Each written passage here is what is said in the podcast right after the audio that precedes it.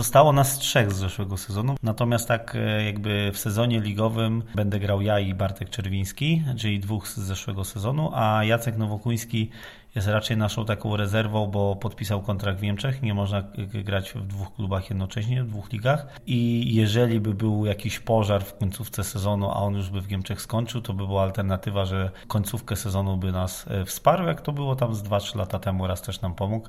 E, czyli myślę, że, że może, chociaż mam nadzieję, że nie będziemy z jego pomocy musieli korzystać. Kto więc uzupełnia skład? Skład uzupełniają oprócz mnie i Bartka Czerwińskiego e, młody junior z kadry Polski Michał Wandachowicz, e, który rok temu grał również w pierwszej lidze w ośrodku Polskiego Związku Tenisostowego. Taką mieli drużynę, oni spadli i tym samym był do wzięcia oraz Łukasz Jarocki, również e, zawodnik pierwszoligowy z Lublina, obecnie mieszkający w Częstochowie razem z Bartkiem. No, doświadczony pierwszoligowiec, już kilka lat grający w pierwszej lidze. Tutaj właśnie było najwięcej zastanowienia nad tą obsadą, bo Michała Wandachowicza juniora bardzo szybko zakontraktowaliśmy, natomiast szukaliśmy jeszcze innych alternatyw, ale się nie udało. Myślę natomiast, że Łukasz jest e, bardzo solidnym zawodnikiem i, i na pewno będziemy mieli bardzo równy skład. W sobotę o godzinie 16 we własnej hali pierwszy ligowy pojedynek, od razu bardzo znany rywal AZS AWF jest e, Gdańsk. Czy ten rywal mocno się zmienił w porównaniu do poprzedniego sezonu? Tak, ten rywal się mocno zmienił i tak naprawdę w pierwszym meczu to trochę jest słabo z nimi grać z tego tytułu, że to jest druga drużyna, zaplecze drużyny superligowej.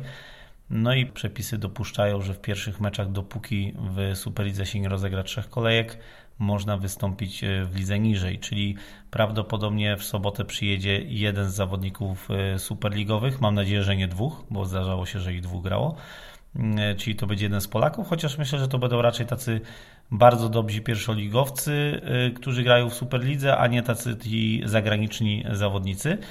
Oraz jest y, dwóch nowych zawodników y, mocnych, Łukasz Nadolski i Łukasz Kaproń, który przez Lęborka, czyli na pewno odszedł znowu Daniel Artur Misz Polski, dlatego no, nie wiemy tak naprawdę kto przyjedzie do nas, mają szeroki skład i w tym pierwszej kolejce mogą rotować. Wydaje mi się, że będą się nastawiać na to, że muszą zdobyć te dwa punkty, właśnie póki mają możliwość grania z tymi zawodnikami Superligi i myślę, że tak przyjadą, dlatego spodziewam się bardzo ciężkiego meczu. A jaki jest y, cel przed drużyną na ten sezon? Przed drużyną na ten sezon jest cel niezmienny, czyli e, utrzymanie się w lidze. W tamtym roku, no, z racji tego, że więcej drużyn spadało z ekstraklasy, to z pierwszej ligi również i zaledwie 6 drużyn się utrzymywało, a dwie kolejne grały w barażach na 11 drużyn. W tym roku wracamy do starych zasad. 7 drużyn się utrzymuje, 8, 9 gra w barażach o utrzymanie i 10 spada. Wydaje mi się, że 10 miejsce jest zarezerwowane już dla jednej drużyny e, ze Szczecina.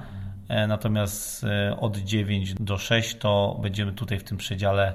Liczę na, na 6-7 miejsce. Myślę, że każde utrzymanie poza barażami, a nawet kolejkę dwie wcześniej, to będzie duży sukces, bo naprawdę stawka jest wyrównana.